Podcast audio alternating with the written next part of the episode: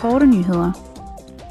Europaparlamentets udvalg om borgernes rettigheder og retlige og indre anlæggender skal i morgen mødes med repræsentanter for NGO'en Læger Uden Grænser, Frontex og den italienske kystvagt. Her vil de fokusere på den rolle, som Frontex og de italienske myndigheder spiller i at bjerge mennesker til søs. De vil blandt andet drøfte den ulykke, der fandt sted sidst i februar, hvor 64 mennesker, herunder kvinder og børn, omkom efter at en træbåd fyldt med migranter fra Tyrkiet kændrede ud for Kalabriens kyst.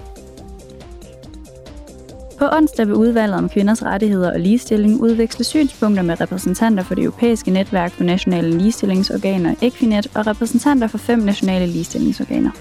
Ligestillingsorganer er offentlige institutioner, som EU-landene er forpligtet til at oprette under EU-retten. Deres formål er at fremme ligestilling for alle, håndtere diskrimination og sikre hjælp til offer for diskrimination. Europakommissionen foreslår nu en række bindende regler, der skal styrke ligestillingsorganernes rolle og uafhængighed. Ligeledes på onsdag vil Fiskeriudvalget afholde en offentlig høring med titlen Fiskeriets fremtid, hvordan man kan fremme indkomstdiversificering og lette fiskernes adgang til EU-støtte. Kommissionen har for nylig foreslået en kontroversiel handlingsplan for at bevare fiskeressourcerne og beskytte havøkosystemerne.